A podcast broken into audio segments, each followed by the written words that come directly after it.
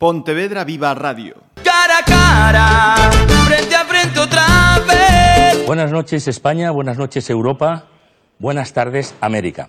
Saludos cordiales a los que nos siguen a través de Internet desde cualquier parte del mundo.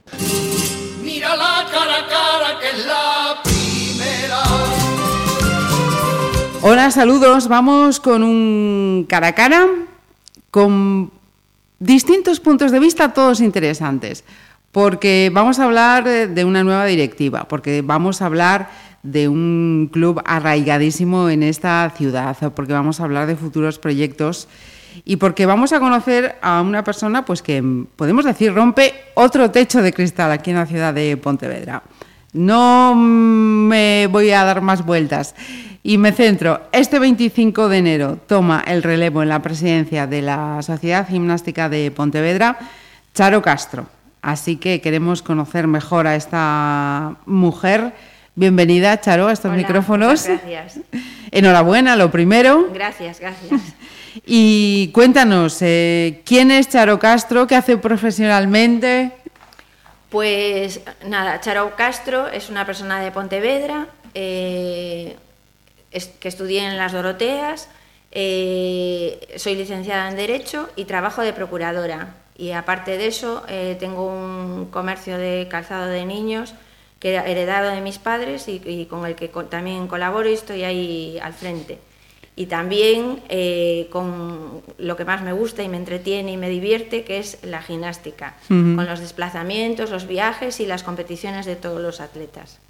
Eh, bueno, iba a dar una pistilla, pero no, precisamente lo que acaba de decir, fíjate que hay veces que eh, algunos de los invitados vienen aquí al estudio de Pontevedra Viva Radio y cuando vienen por, por una de las ventanas dicen, anda, ¿y esto qué es? Bueno, pues Charo lo tenía clarísimo.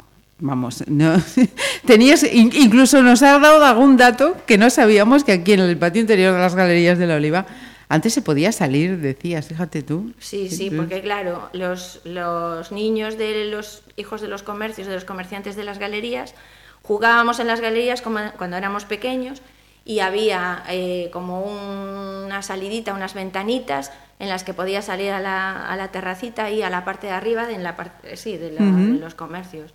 Y no nos dejaban muchas veces, pero alguna vez, Se hacía. cuando hacía bueno y así, sí, sí, subíamos. Sí. Eh, mira, Charo, ¿cómo y, y cuándo comienza tu vinculación con la, con la gimnástica? Pues yo empecé, en primer lugar, eh, hace muchísimos años, cuando tenía 14, en el colegio, porque vino Santiago Ferrer a entrenarnos y, y nos, nos empezó a animar para que participáramos y fuimos a algunas carreras y competiciones. Estuvimos ahí un año, año y pico participando y entrenando y después eh, pasaron un montón de años hasta que retomé el tema cuando mis hijos eran pequeños, que empezaron a formar parte de la gimnástica, a entrenar y a competir. Y aquí estoy, aquí sigo al, al pie del cañón, encantada. ¿Y, y esos pequeños eh, cómo están a día de hoy? ¿Dónde están? Bueno, los pequeños ya son unos mangallones. o sea, el, hijo, el mayor tiene 25 años y después tengo la que era más mm, atleta del club, que es Marta, que tiene 22, está en Madrid. Y, y después, pero tengo el pequeño, que tiene 16 años, que hace salto con pértiga en, en el club. Es Ajá. pertiguista y hace combinadas, que le encanta. Le gusta mucho. O sea, que la madre predicó con el ejemplo, ¿eh? Que conste. El pasado año 2017, esta entidad cumplía 90 años aquí en la ciudad Sí. de, de Pontevedra. Y después de todas esas décadas, vas a ser la primera mujer que presida la gimnástica. ¿Este hecho se va a notar? Hombre, espero que sí. ¿eh? espero que sí, vamos. Sí, sí. O sea, es una cosa importante. Yo creo que, eh, que las chicas lo podemos hacer tan bien como los, como los hombres. O sea, y lo que espero es estar a la altura de, de la persona que hasta ahora ha presidido el club y que aunque eh, era un hombre, ¿no? Eh, o sea, quiero decir que no hay diferencia entre que sea un hombre y una mujer. Yo creo que un poco es la ilusión, el esfuerzo, el trabajo y el cariño que le pones en, en hacer lo mejor posible la misión que te toca desempeñar. Claro, porque mm, te preguntamos, o te pregunto yo en este caso, si se va a notar eh, o si es un hándicap el hecho de que seas la primera mujer, pero también supongo que tiene que ser eh, suceder a una persona eh, que ha ostentado esta presidencia durante más años, 22 años, y, y lo que supone Touza en la, la sociedad. Es una pasada, es un... El, Ramón dejó el listón muy alto, no lo dejó porque aún está ahí, gracias a Dios está ahí apoyando y ayudando y eh, enseñándonos cómo tenemos que hacer las cosas, porque él, claro, controla perfectamente el funcionamiento de la sociedad y está siempre preocupado de que se hagan las cosas bien, de que todos los papeles estén a tiempo, de que se atienda perfectamente a los atletas. Por ejemplo, un detalle que a mí siempre me llamó la atención es que cada vez que había un desplazamiento, si él no iba, bajaba al pabellón el sábado a despedir el autobús, si había un cross y, nadie podía ir de delegado, allá iba él, aunque fuera en Lugo, allá, que hiciera frío o lo que fuera, ahí estaba. Ahí estaba. Sí, al pie del cañón. Y a mí eso me parece muy importante. ¿Y, ¿y quiénes van a estar acompañando a, a Charo en esta directiva? Pues eh, como persona no visible, y la, mm, me parece que es muy importante, es eso, Ramón, que sigue ahí, eh, y después eh, una cabeza muy importante es Santiago Ferrer Moreira, eh, como tesorero está Julio Bentín, que es una persona muy competente y que lo hace fenomenal, o sea, las cuentas se llevan ahí a rajatabla, o sea, euro, céntimo, lo que sea, todo perfectamente especificado. Y eh, tenemos como, como, coordinador de los equipos femeninos a Santiago Ferrer Alonso, que también está ahí pendiente y con los niños y coordinando desplazamientos y con los padres y todo eso. Después del secretario está Luis Tojal, de encargada de, del material que también eh, dedicando un montón de horas y esforzándose a tope eh, está Gemma Blas y, después están varios atletas y, padres de, la sociedad.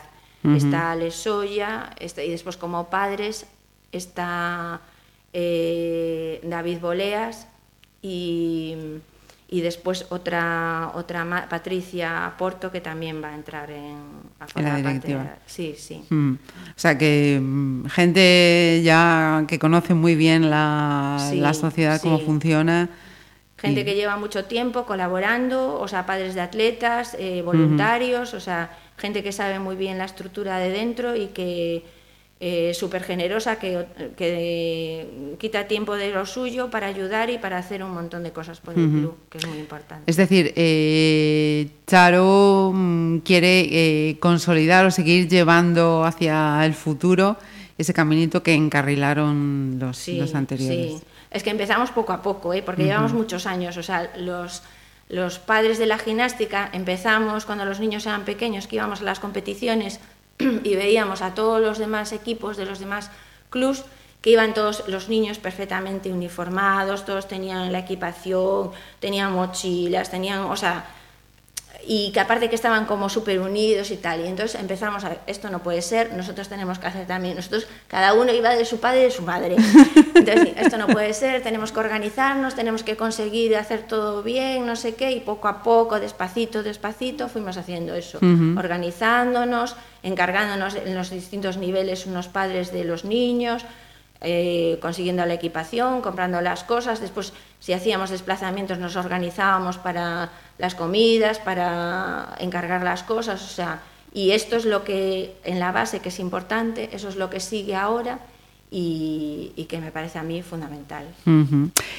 Eh, el hecho, eh, Charo, de que la, la, tuya haya sido la única candidatura que se haya presentado a este proceso, ¿lo ves como un síntoma positivo, negativo o es algo asintomático. que... Me hubiera gustado que, que, hubiera otra opción, o sea, saber el punto de vista de otra persona y que se hubieran presentado y hubieran expuesto eh, su proyecto, ¿no? Para saber y conocer y un poco que, la, que los socios hubieran tenido la, la, opción de optar y de ver, porque yo creo que el que haya varias, varias posibilidades enriquece, o sea, yo creo que eso es importante. En este caso no lo hubo, aunque En un principio decían que sí que había una candidatura alternativa, al final no fue.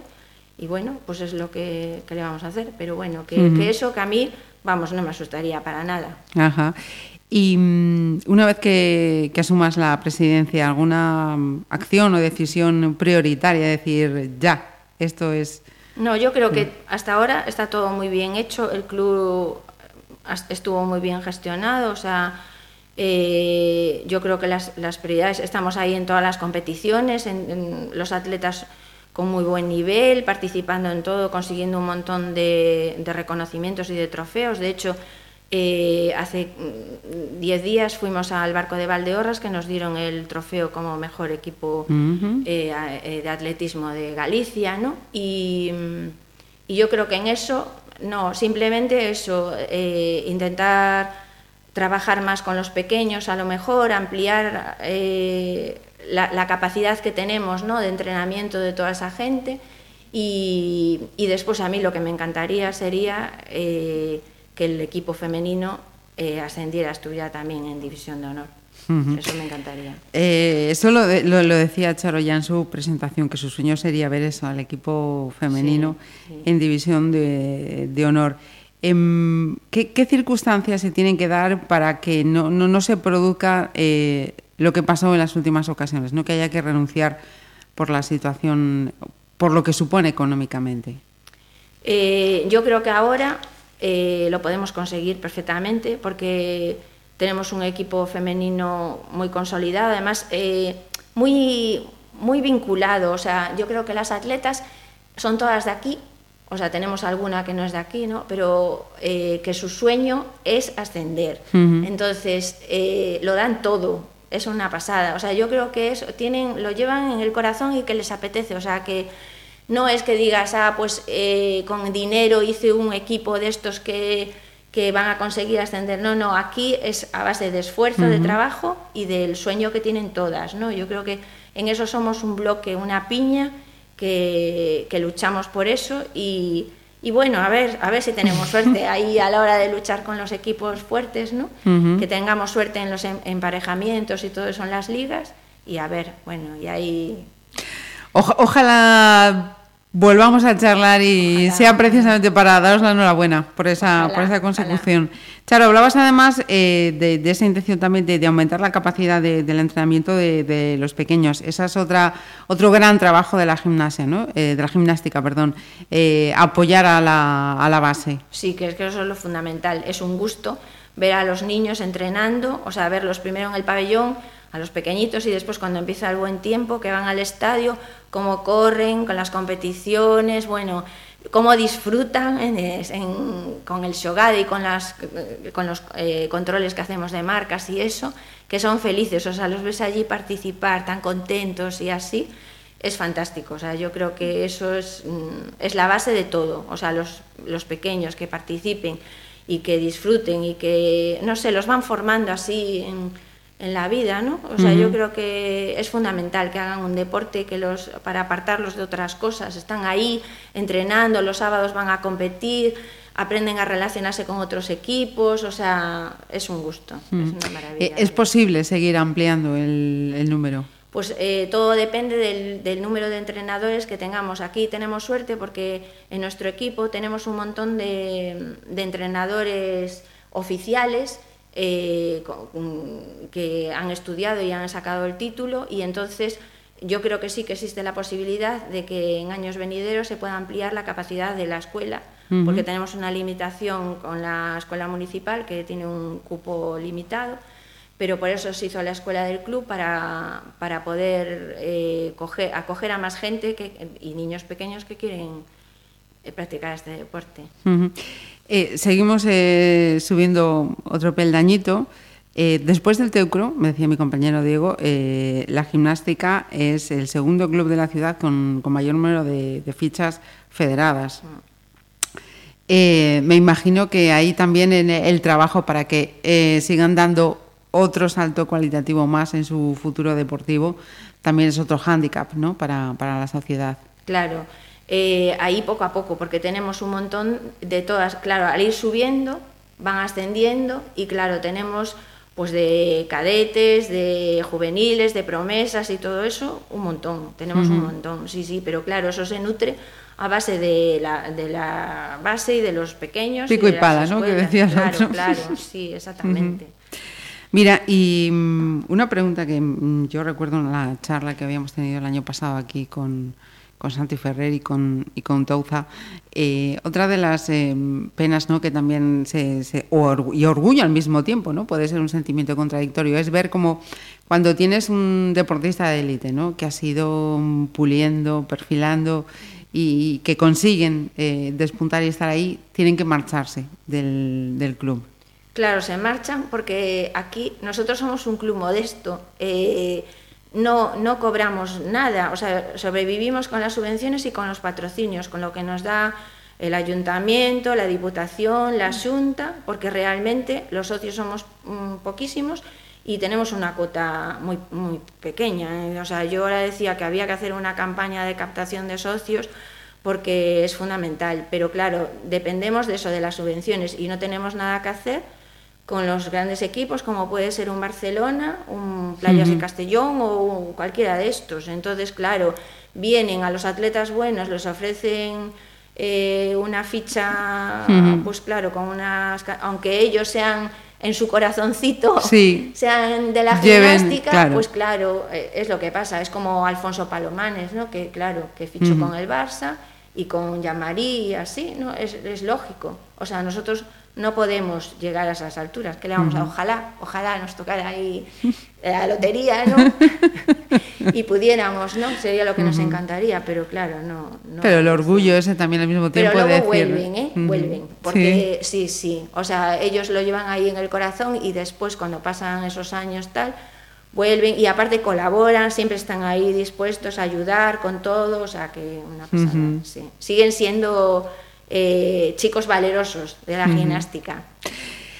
Eh, los que conocéis a Charo, ¿qué os voy a decir? Y a los que no, yo la acabo de conocer hace unos minutos y la impresión que me llevó es que llevas la gimnástica ahí metidísima, Sí, metidísima, corazón, metidísima. corazón, ¿eh? Sí, sí. O sea, me encanta. La verdad es que me gusta y eh, es un proyecto que, que me ilusiona muchísimo y lo que quiero es ayudar y que vayamos adelante lo más posible. O sea, que sí, sí, que consigamos ahí todos los retos y fenomenal. Pues Charo, un gustazo haberte Gracias, conocido y te deseamos igualmente. pues todos los éxitos. Gracias, gracias. A ver si podemos tener ahí otra dentro de poco.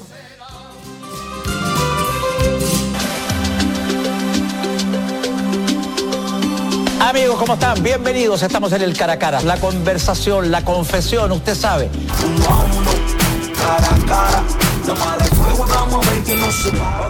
Cara a cara. Pontevedra Viva Radio.